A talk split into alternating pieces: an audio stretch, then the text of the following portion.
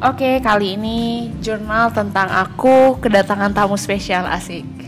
Dari mana? Dari tetangga sendiri. Tante gue sambil minum ya nggak apa-apa ya. Gak apa-apa, gak apa-apa. Puji Tuhan. Kenalin diri dulu dong. Dari mana? Ya saya eh, sekolah di SMP Kasih Bangsa. Terus sekarang kebetulan eh, apa mic-nya kurang deket ya? Oh iya. Sekarang kebetulan dipercaya jadi sahabatnya Valerie. Juga malam ini kebetulan ditraktir beberapa makanan ringan jelas. sama Pak Valerie. Sumpah lu gak jelas. Perkenalan lu yang bener. Yang bener, yang bener. Ya gue teman dekatnya Valerie lah katakan. Emang kita deket? Enggak juga enggak. Oh, oke. Lu mau nanya apa cepetan? Ya, gue jujur gue ngikutin semua perjalanan lu dari sosial media ya lah ya tepatnya ya. Kayak masih kontak-kontakan juga, tapi nggak seintens dulu pas SMP. Ya kan gue tau lu SMP kayak gimana ya, ya udah malu-maluin lah intinya seperti itu ya. Ini diupload di publik ya? Iya dong. Bang, cemaran nama baik. Enggak lah, gue gue justru salut sama perjalanan hidup lo. Kan makanya gue balik lagi, gue bilang lo SMP kayak gimana. Sekarang di umur lu yang berapa sekarang? 26 ya? 23. Oh 23 23 Udah banyak Ini kita prestasi mulai udah makin emosi nih. Iya, Udah banyak prestasi ya yang lu buat gitu Ah, sedikit lah, Nah jangan gitu maksud gua gimana sih sampai di tahap lu bisa ngelewatin ini semua gitu loh Maksudnya kan ya gue tahu semua prosesnya pasti nggak gampang gitu Ya kalau tahapnya gimana ya Val ya? Anlin Tuhan sih ya, Anlin Tuhan, tanya. Tuhan, minta petunjuk Tuhan. Apa sih gue ini orang bodoh, nggak ngerti apa-apa kok. hmm. Hanya Anlin Tuhan aja kok. Mm, mm, mm, mm. Jadi kalau dibilang, oh berhasil, enggak itu udah ketentuannya Tuhan kok. Amin Siapa yang bisa lari dari ketentuannya Tuhan? ah? Kalau Amin. saya, Tuhan bilang besok saya mati, saya gagal ya terjadilah. Jangan dong kan lu masih Kalau jomblo Tuhan, Tuhan besok bilang saya berhasil, saya hebat, saya sukses, ya terjadilah juga. Amin Ya suka-sukanya Tuhan lah. Tapi lu pernah nggak sih ngerasa di titik lu ngejalanin ini kan sampai di titik sekarang lu ngerasain yang namanya bener-bener down, bener-bener kayak nggak ada orang-orang yang support lu. Pernah nggak ngerasain titik? Dan itu pengalaman yang mana? Kan setahu lu kan setahu gua, sorry, sekarang ini kan lu atlet nih, ya kan? Atlet. Betul, betul. Dan gua tahu kalau atlet itu ya keras lah didikannya, gitu. Jadi gini Val, eh, Jangan jaim dong, please jangan jaim. Atlet, ya enggak, Oke, oke. Saya lagi serius nih, jangan diganggu. Oke. Jadi memang saya ini eh, kebetulan atlet juga, wasit juga, pelatih juga. Ya namanya cari rezeki halal kan, semuanya Hmm. saya ambil. Jadi waktu itu kebetulan ini di titik yang kamu tanya ini yang benar-benar di titik klimaks klimaksnya ya. Mm-mm. Jadi waktu itu saya berhasil dan saya jatuh itu di titik yang di momen yang sama. Nah bingung kan? Nah ini saya jelasin. Kenapa saya bisa bilang saya berhasil dan jatuh di saat yang sama? Jadi waktu itu saya pergi ke Cina, Val. Hmm. Ya katakanlah saya bawa kontingen eh, angkatan darat ya, Hmm. tentara kalau tahu tentara. TNI, TNI bahasa umumnya TNI. Saya ke Cina. eh, singkat cerita, puji Tuhan, yang dikirim itu dari Republik Indonesia hanya saya dan adik kandung saya, Hmm. gitu loh. Dan itu kan kelasnya untuk kelas senior, artinya 17 sampai 18 tahun ke atas. Saya waktu itu umurnya 22 tahun. Adik saya waktu itu umurnya masih SMP kelas 3, berarti umur berapa tuh? Kelahiran adik saya kelahiran 2005. Berarti sudah senior belum? Belum lah. Sudah sejauh seperti banget. kita belum umurnya? Belum belum. Nah, adik saya disandingkan dengan saya untuk melawan yang senior-senior. Kalau mungkin saya ini melawan senior bisa, karena umurnya sudah sama lah. Adik saya Mm-mm. Jadi Masih kecil banget lu Oh, berarti. Jadi seperti bulu tangkis kita ada namanya ganda putra putri. Kita Hmm. main di nomor itu. Itu disandinginnya sama nomor senior. Bayangin kelahir saya kelahiran 96, pasangan sama kelahiran 2005. Maaf kan jadi beban berat nih buat saya. Mm-mm, mm-mm. Ya da, ma, kalau kita bicara ke umumnya power kalah, speed kalah, Hmm. agility kalah, intelijen, kecerdasan kalah, semuanya kalah. Hmm. Dari segi umur kalah. Tapi itu saya balik lagi mukjizat Tuhan. Kita bawa dua medali perak dan dua medali perunggu untuk TNI Angkatan Darat pada Nah, waktu itu. itu bagus dong. Kenapa jadi down di titik itu? Itu saya benar-benar menggunakan kekuatan Tuhan Yesus. Itu saya benar-benar minta pertolongan Tuhan Yesus. Itu ada Cina, Taipei, Korea, Hong Kong dan Indonesia. Indonesia cuma kita berdua. Cina kirim satu kontingen 17 orang, Hong Kong berapa belas orang. Hmm. Dan itu tuh kita orang Indonesia benar-benar cuma berdua dan kita dapat podium. Hmm. Bisa bayangin kalau kita kalah nama TNI, nama Republik Indonesia ini gimana? Sedangkan itu berkibar bendera Indonesia, dinyanyikan lagu kebangsaan Indonesia Raya, hanya karena kita berdua. Kalau kita kalah gimana tuh kira-kira? Malu nggak mukanya? Mau ditaruh di mana nyampe sini? Hmm. Itu saya menggunakan kekuatan Tuhan dari awal, dari A sampai Z-nya, dari pengurusan visa sampai pengurusan tiket penerbangannya, pengurusan pencarian sponsor. Saya benar-benar andelin Tuhan. Hmm. Tapi saya kan wasit juga, kan tadi saya udah bilang kan. Hmm, hmm, hmm. Nah, jadi yang saya pikir saya nggak mungkin, mustahil menang karena saya berpangku tangan sama Tuhan, saya menang. Saya dijadikan pemenang.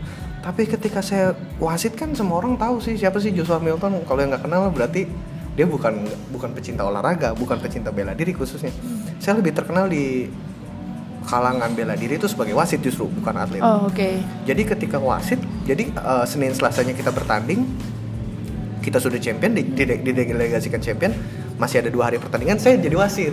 Oke. Ah, ya sekalian tambah-tambah jajan lah Pal. Oke. Ya kan? mau beli handphone baru kan waktu itu. Amin. Tapi kebeli gak? Kebeli puji Kebeli. Tuhan. laptop puji mah. Tuhan. Oke. Ya habis itu saya dua hari Senin Selasa atlet menang, Rabu Kamis ya karena saya, saya sudah terbiasa wasit. Siapa sih Hmm. di sini tidak pernah nonton TV itu kalau nggak ngeliat saya tuh bohong berarti kan. Hmm. Kalau acara-acara apa sport pasti ya puji Tuhan dipakailah sedikit-sedikit. Hmm. Karena ya sudah sombongnya saya, tinggi hatinya saya. Jadi ada pemilihan seperti ini, best referee in the year, ya kan? Mm-mm. award nah, katakanlah best referee award di event itu untuk tahun itu saya di Malaysia pernah puji Tuhan pernah wasit terbaik di Thailand puji Tuhan dua kali Hmm. di Taipei satu kali plus jadi pembicaraan skala nasional untuk pelajar mereka Hmm.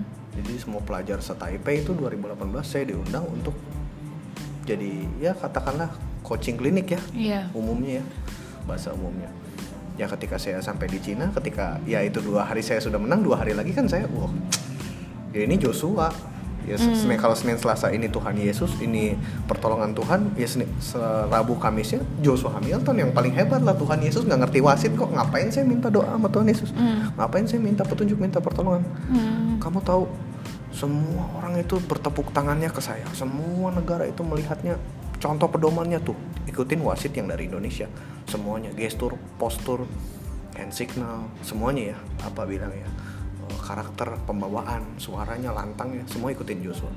Tapi saya nggak terpilih jadi wasit terbaik. Pada waktu itu. pada waktu itu. Pada waktu itu saya ngangkatin piala. Ya ayo tau lah saya kan caper. Ngangkatin piala ketua panitia lihat wih Joshua Hamilton. Piauliang piauliang kalau bahasa Iya. Mandarinnya cantik cantik. Sifatnya cantik nih orang dari Republik Indonesia. Nih sopan sopan terkenal ya kan kita memang. Bayangin saya gagal. Di situ saya bilang wah Tuhan Yesus ternyata ketika yang mustahil aja tapi saya minta pertolongan Tuhan Yesus itu terjadi. Tapi ketika yang sudah biasanya yang bukan perkara besar tapi saya tidak minta pertolongan Tuhan saya tidak Nggak minta menang. pertolongan Tuhan. Malu saya pulang-pulang. Adik saya cuma bilang kamu koko tadi doa nggak? Tidak. Koko waktu bertanding doa nggak? Kalau waktu bertanding ya saya doa. Ya itu salahnya Kak, kok ini pelajaran nih yang harus dicatat seumur hidup? Hmm. Kamu boleh kalah di Cina kok, tapi kamu tidak boleh kalah di dalam kehidupan.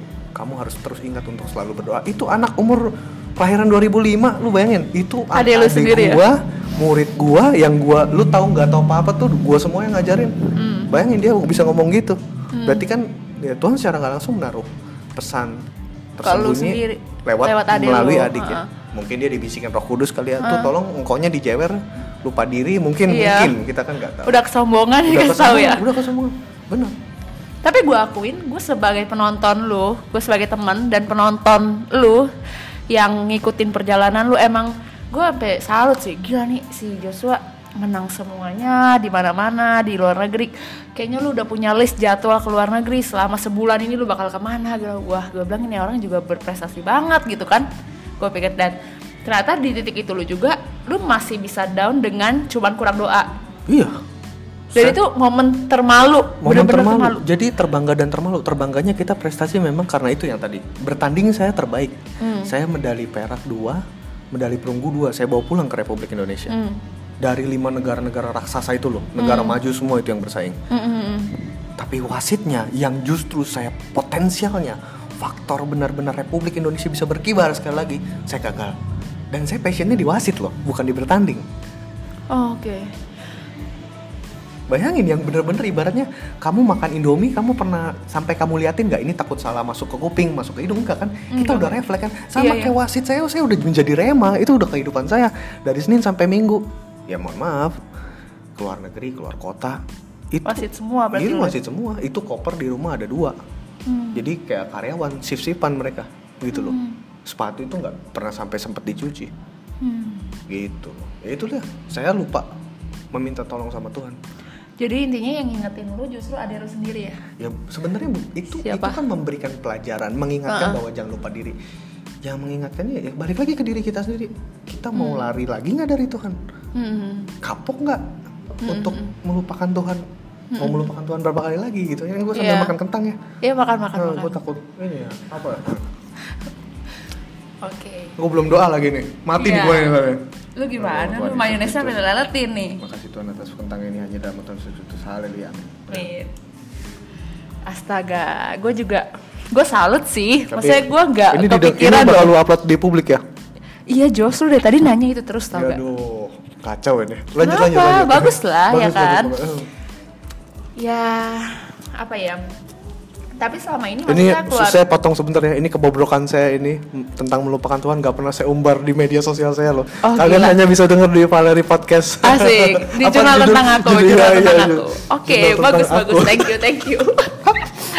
Oke, Em, ini keren sih. Dan apa ya? Sebelumnya gue juga udah pernah eh, tektokan gini juga masuk cerita cerita sama temen gue dulu. Ya sama. Pasti ujung-ujungnya kalau kita punya ya di titik terendah kita bakal cari cari Tuhan gitu loh maksudnya di titik situ gitu. Kalau misalnya kita masih di atas angin kayak kita nggak bakal cari. Kebanyakan gitu sampai ya banyak lah medianya yang bakal bisa ngingetin kita tuh banyak ya tergantung lagi kita mau mau balik mau apa enggak kan pilihan kita sendiri gitu loh. Tapi sejak itu, sejak maksudnya ada lu ngasih tahu itu apa perasaan lu dan apa yang tiba-tiba jadi ngebak asli ini gua salah nih gitu. Kenapa tiba-tiba kenapa adek lu emang yang lain gak ngingetin? Ya karena mungkin dari Republik Indonesia cuma berdua doang kali ya pada saat itu. Oh. Dari Indonesia cuma berdua doang. Dari luar negeri semua semua wasit ada di total sekitar 32 atau 34 kalau saya nggak salah. Itu dari lima negara. Wasit dari Indonesia cuma satu, saya doang. Semua wasit muji-muji saya dan mempertanyakan, "Oh, kamu tidak jadi best ref di tahun ini?" Di Cina lagi. Dan itu posisinya lu ada tuntutan tersendiri nggak dari maksudnya ya? Tuntutan tersendiri tidak, tidak. It- Nggak eh, ini kalau wasit itu kan bukan eh, yang penting Anda bertugas dengan bagus, tidak ada kesalahan, sudah. Anda Hmm. Tidak Anda tidak di, di, di, di- diberikan tanggung jawab oleh negara, Anda harus jadi wasit terbaik. Itu kan award.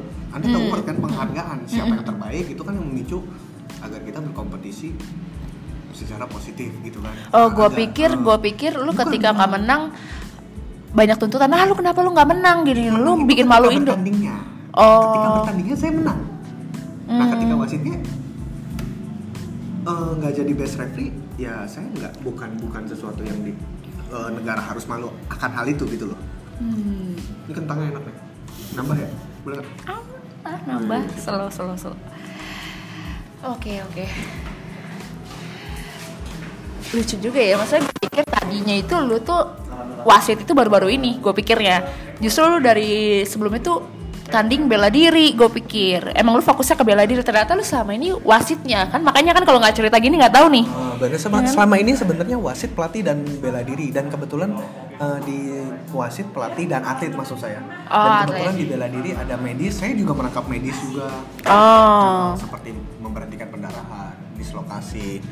Sorry sorry miknya kejauhan. Seperti pendarahan dislokasi itu saya sedikit sedikit ngerti lah nggak bodoh-bodoh amat lah Hmm. gitu. Sih pak. Paling gue mau nanya penasaran gini. Apa yang lu tiba-tiba eh, tiba-tiba kenapa lu bisa kepikiran ini passion gue di sini? Sedangkan gue tahu maksudnya lu nemu passion ini pas kapan terus kenapa padahal kuliah lu juga nggak ini kan? Setahu gue kuliah lu bukan atlet kan? Bukan saya kuliah ini di Universitas Matana bidang manajemen marketing. Hmm, jauh banget kan tuh? Saya IPC 3 loh. Jangan macam-macam Oke. IPC 3 Terus? mungkin karena saya orang bela diri kali ya. Jadi teman-teman pada setor jawaban kali ya. Mungkin mungkin. Kenapa? Titik di titik kapan lu temuin oh ini passion gua gitu. Oh, satu SMK di SMK Bonavita. Jadi ada ekstrakurikuler taekwondo namanya. Hmm. bela diri dari Republik Korea. Saya lihat keren bagus. Saya ikut. Itu Dan itu latihan yang lu prosesnya gimana? prosesnya ya latihan di sekolah. Saya merasa kurang saya cari lagi ya. Kalau di sini kan basket atau badminton biasa ada klub-klub ya. Hmm. sama di taekwondo juga ada klub-klub banyak. Saya ke klub gini ke klub ini nanya-nanya belajar minta arahan minta nasihat minta pendapat. Hmm. itulah pak. Haus ilmu lah haus akan ilmu saya Sampai akan di titik ini ya. sampai di titik ini juga saya masih akan haus ilmu kok. Masih bodoh masih nggak tahu apa-apa masih yang harus banyak nanya Hmm. ke senior senior ke pembimbing ke para guru. Senior orang bodoh nggak ngerti apa-apa. Lo ada kepikiran nggak tapi untuk ini kan gue kuliah manajemen marketing. Gue bakal asa ah ilmu gue ilmu kuliah gue untuk di, eh, di sini gitu. Gue gue lepasin untuk eh, olahraga gue gitu. Ada kepikiran nggak? Eh, gini Valerie tahu dari mana saya eh, adalah manusia yang punya prestasi di bidang olahraga khususnya bela diri. Saya boleh tanya balik dong Hmm. anda tahu dari mana? Gue tahu karena lu sering ngepost. Sering ngepost postingan itu ada nilainya value-nya nggak dari sebuah posting? Ada nggak yang bikin, bisa bikin orang tuh betah membaca? Saya tuh kalau nulis caption panjang tapi saya, saya kamu harus ngaku bahwa semua pembaca termasuk kamu itu betah baca postingan saya dari awal sampai akhir itu kan ada trik termasuk gue yang suka komen kan Iya. di fans ya gitu kan berarti kan saya memanipulasi ilmu yang marketing yang saya dapat untuk memarketingkan prestasi saya itu sendiri oke I see Ya kan kalau saya bodoh, kalau saya nggak ngerti, kalau saya nggak ambil pelajaran kuliah saya, orang bisa nggak baca postingan saya panjang-panjang? Saya itu naruh di media sosial saya semua ya. Itu ada video, ada foto, ada caption. Tapi semua orang like, semua orang ada yang download, semua orang ada yang memberikan feedback positif. Artinya saya bisa mena- menata kata, menata kalimat, menata caption sehingga nyaman dikonsumsi orang. Bahkan orang bisa share ke orang tanpa saya harus bilang, tolong like, subscribe, share Iya, ke orang-orang terdekat anda saya nggak pernah ngomong kayak gitu hmm. Bodoh Val. Kalau kita bilang begitu kalau kita punya konten yang bagus. Kalau kita punya konten yang bagus kita akan pede. Orang kalau kontennya bagus orang akan follow sendiri. Iya, orang betul. akan subscribe sendiri. Orang Betul. akan like sendiri. Orang akan bikin notice favorit apa pun yang kita posting akan Betul. notifikasinya masuk ke handphone kita. Iya itu salah satu jadi masukan gue juga ya kan? Maksudnya sekarang ini orang kayak jadi ngemis untuk di subscribe like dan segala galanya. Padahal balik lagi ya maksudnya orang itu kita ngeliat itu sesuatu memang yang gue suka. Bakal gue like. Jadi lu nggak bisa paksa gue untuk gue nge-like postingan lu. Kalau memang postingan lu tuh buat gue tuh biasa aja. Kayak gitu ya gak sih? Nah ya itu juga salah satu masukan. Apalagi gue kan sekarang bikin podcast kayak gini nih. Gue juga nggak pernah yang minta orang-orang untuk eh tolong dong follow dong tolong dong dengerin dong atau tolong dong di like dong gitu. Karena gue pikir ya nanti ada di titiknya mereka bakal suka sama podcast gue yang sesuai kepribadian mereka gitu loh. Kita nggak bisa paksa orang kan gitu loh. Sekarang gue tanya balik Val. Anda ini suka olahraga ndak sekarang oh, sekarang apalagi anda sekarang kerja betul ndak lu kerja toh sekarang iya kerja nggak punya waktu olahraga betul suka bela diri nggak? Apalagi jauh kan? Iya, Tapi jauh banget. kenapa kok lu mau sih? Kok lu suka sih kalau gue upload lu selalu sih? karena yang lu bahas itu kan nggak bela diri Nah doang itu dia ada Iya kan? aspeknya, ada Ah. aspek kenegaraannya, ada aspek kita kebangsaannya, agamanya. Hmm. Itu namanya branding kalau di marketing. Biar saya kuliahnya 100. tidur, ya. Itu sama yang anak-anak yang sok-sok presentasi depan dosen cari muka boleh diadu debat kalau soal branding, soal marketing sama saya. Saya tutup mata. emang sih kadang-kadang bukan sombong. Mereka itu baru teori, saya sudah prakteknya, bos. Kan gitu. emang kenapa sekarang itu kan branding emang paling penting kan Hmm. maksudnya lu nge-branding dulu deh maksudnya nanti tuh ya apa rezeki mah datangnya belakangan yang penting lu kenalin dulu lu jelas ke mana kayak gitu kan arahnya kayak gitu kan makanya gue juga salah satu gue bikin podcast ini gue pengen orang-orang tuh ya khususnya orang-orang yang punya masalah sama kepribadiannya itu bisa dapat sesuatu dari podcast gue maksudnya apa? Jadi kayak ketika mereka dengar oh gue ngerasa oh nggak gue doang lah yang kayak gini gitu loh. Ternyata banyak di luar sana yang ngalamin kayak gue juga. Gue jadi kayak gitu ya kan? Pahala, Ya. Val. Pahala. basi lo gue gue gini ya, Val ya. Eh, misalnya kita bilang mie instan, orang pasti Indomie. iya pasti Pasta branding gigi, Pepsodent. misalnya Joshua Hamilton entah preman entah ahli olahraga entah ahli bela diri orang punya penilaian masing-masing bikin orang itu tahu oh Valerie Adeline adalah tanpa lu yang ngejelasin betul ya betul betul betul Ya betul gue sih sekarang juga nggak- mohon maaf nggak usah ngejelasin diri gue sendiri kalau mau tahu ya cek aja. Iya, gua buktinya aja Google, gua. Google Google aja atau Wikipedia Joshua Hamilton siapa. Asik. Paling kalian nggak nemu. nggak nemu nggak nemu Salah juga ya. Sombong-sombong jeblok juga.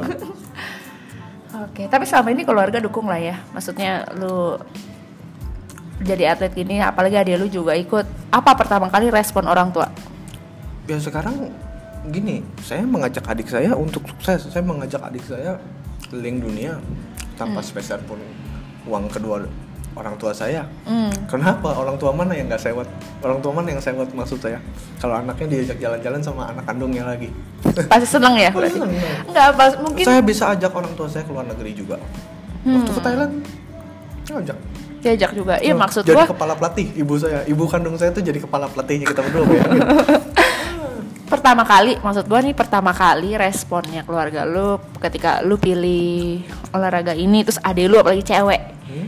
Dan bedanya lumayan jauh juga sama lu kan umurnya gitu. Kan pilih bela diri apa respon pertama keluarga lu apa ya kayak gue dukung apa ya? atau enggak wah gila lu Enggak, cewek enggak, anak bela diri enggak. gimana Hmm, biasa aja, nggak ada respon. Sampai respon. sampai berbunga, sampai apa yang kita tabur itu berbunga dengan positif. tadi awalnya nggak ada Membuahkan respon dengan positif ya awalnya. Oke. Ya mungkin kalau kamu Val ikut sekarang ikut futsal, orang tua oh cuma ikut futsal. Tapi tiga bulan lagi, tiga tahun lagi Valeri juara dunia futsal. Orang baru melek, termasuk Hmm. Iya. orang tua. Betul. gitu. Kalau baru ditabur sama orang, ah pasti cuma ikut-ikut gituan paling. dan banyak yang ngejatuhin juga loh masih mending itu no respon kalau yang ngejatuhin itu yang lebih pahit lagi Ada, ada. Kan? Pertentangan dengan orang tua pasti ada. Tapi kan nggak mungkin kita buka di sini kan. iyalah Ada, pastilah orang tua saya ada sedikit banyaknya ada. Bukan menjatuhkan ya, eh, memberikan kritik yang mungkin tidak enak didengar, Hmm. tidak enak sampai di hati saya itu ada. Baik ayah maupun ibu itu ada, pasti ada. Hmm. Karena mereka kan maunya eh, anaknya apa ya, eh, bisnismen mungkin ya, mungkin eh, dokter, mungkin yang pengacara, yang kelihatan jelas lah. Hmm. Tapi setelah saya begini ya, wah, dokter, pengacara, bisnismen itu dekat semua mas ya. Iya benar. tapi nama lu belum ada di Wikipedia Oh, iya, gimana iya, dong. Nanti nanti kamu editin dulu. Oke. Oke. Oke, cukup gua rasa. Maksudnya gua udah karena gue juga udah tau lah sedikit-sedikit tentang lo gitu ya. Maksudnya gua ngerasa ini gua kalau bercerita kayak gini, maksudnya tukar pikiran kayak gini, gue jadi ngerasa gue pembelajaran buat gue juga gitu loh. Ketika gue udah di atas, gue lupa gak sama yang di atas gitu kan. Ketika gue di atas, gue lupa gak sama yang di atas oh, gitu cakep loh. nih, cakep nih. Ya kan? Judul podcast nih. Oke, boleh ya judul Boleh. podcast ya. Mantep nih. Nah, sekarang balik lagi, apa sih prinsip lu yang relate sama topik yang sekarang lu kasih ke gua? Apa prinsip hidup lu yang lu mau eh, share ke teman-teman yang denger? Yang sampai sekarang lu pegang. Itu buat gue tuh penting karena setiap orang tuh pasti punya prinsip kan. Gitu. Yang penting kita sesuai mengikuti hukum agama dan hukum negara. Hmm. Yang penting kita selalu mengandalkan Tuhan. Hmm. Mau hari ini gagal, besok gagal, seminggu kemudian gagal, sebulan, setahun, 10 tahun kamu gagal. Kalau kamu masih di dalam penyertaan Tuhan, masih di dalam perlindungan Tuhan, masih di dalam pengawasan Tuhan, hidupmu aman deh. Hmm. Itu aja prinsip saya. Iya. Saya juga orang nggak tahu ya bilang, oh ini wah, hebat luar negeri gini-gini. Kalian tahu nggak? Saya tuh di luar negeri itu pernah transit kan penerbangan transit tahu ya? Saya tidur di bandara kayak gembel. Hmm. Saya kehabisan uang mau beli Starbucks aja nggak ada. Semuanya kan orang taunya cuma wah hebat gini gini gini gini. Tapi kesulitan saya itu orang nggak tahu ya karena saya nggak kasih tahu buat apa gitu kan. Hmm. Ya, Karena yang ditonjolkan di sosial media memang yang bagus-bagus. Iya, ngapain saya tonjolin saya nggak punya uang? Sekarang saya sekarang kita tonjolin kekurangan kita, kebodohan kita, kesulitan kita. Orang tuh hanya dua. Antara dia bertepuk tangan atau dia syukurin mampus. Itu dua sama. Iya. Iya kan? Iya. Dia seneng enggak? Ada yang seneng bener-bener seneng kita jatuh, ada yang hmm, mampus loh gitu. Iya. Ada yang kadarnya tinggi, ada yang kadarnya enggak enggak sama. Ada yang kadarnya sedikit-sedikit sebel Benar-benar. nyukur-nyukurin gitu lah. Iya, kalau gue balik lagi, kalau gue sih lebih ke ketika orang maksudnya ngejelek-jelekin kita atau apa pun itu ya ya kita cuman ya nggak sampai ngomong ya buktiin aja sama tindakan lu sendiri nanti ya tindakan lu sendiri bakal bisa kasih apa ya jawaban kalau buat gue ya udah nggak sampai ngomong ya udah gue buktiin aja kayak gitu Ah, Toh nanti juga lu balik nih sama gue gitu. Lu balik nanti butuh gue deh gitu kan. Ah, kalau kamu balik lagi butuh saya di saat kamu udah pernah ini saya maaf ya saya nggak kenal. Oh, kalau lu gitu ya. Iya. Tapi kalau Meskipun itu keluarga, ayo. Iya, iya. Sekarang bukan keluarga atau temen atau kenalan dekat, bukan. Kita menilai orang itu dari or- orang itu ngehargain kita duluan. Kalau even itu keluarga, kalau nggak ngehargain kita, ya kita ya sebatas sopan aja. Hmm, betul. Tapi kalau even itu orang lain tapi ngehargain kita, wah bisa Tap- lebih jadi dari keluarga saya mungkin. Bisa Iya, lebih tapi kan untungnya keluarga. maksudnya selama ini keluarga aman-aman aja lah, kan maksudnya berhargai. Aja, Suka cita aja kita. Suka cerita aja ya. Iya. Mm-mm. Kita Bagus lah. pusing Gitu. Oke, cukup. Kentang udah habis, Bos, kayaknya. Oke. boleh. Makasih nih ya waktunya. Justru gue yang Lihat, thank you. Gua dibeliin di traktir-traktir ini semua. Tiap Ya hari aja ampun. bikin podcast sama gua. Lu kasih topik apa lagi? Nanti traktir ini nanti Enak lu ya. Pendengar gue yang bosan denger lu terus. Oke, thank you Joshua Hamilton yang dari atlet ya sem- tapi ya gue berdoa lah maksudnya di pan- apa di, su- di situasi pandemi kayak gini ya ya tetep lah maksudnya ya Tuhan punya rencana lah ya maksudnya apa gitu ya tetap jalanin aja ya kita nggak tahu apa yang di depan tapi ya semangat terus ya nggak Yoi. Oke. Terima kasih Valerie Adeline Effendi. Thank you juga. Oke, itu aja teman-teman. Thank you buat waktunya untuk dengerin. See you minggu depan kita bakal bahas topik menarik lagi. Jangan lupa stay tune. Dadah.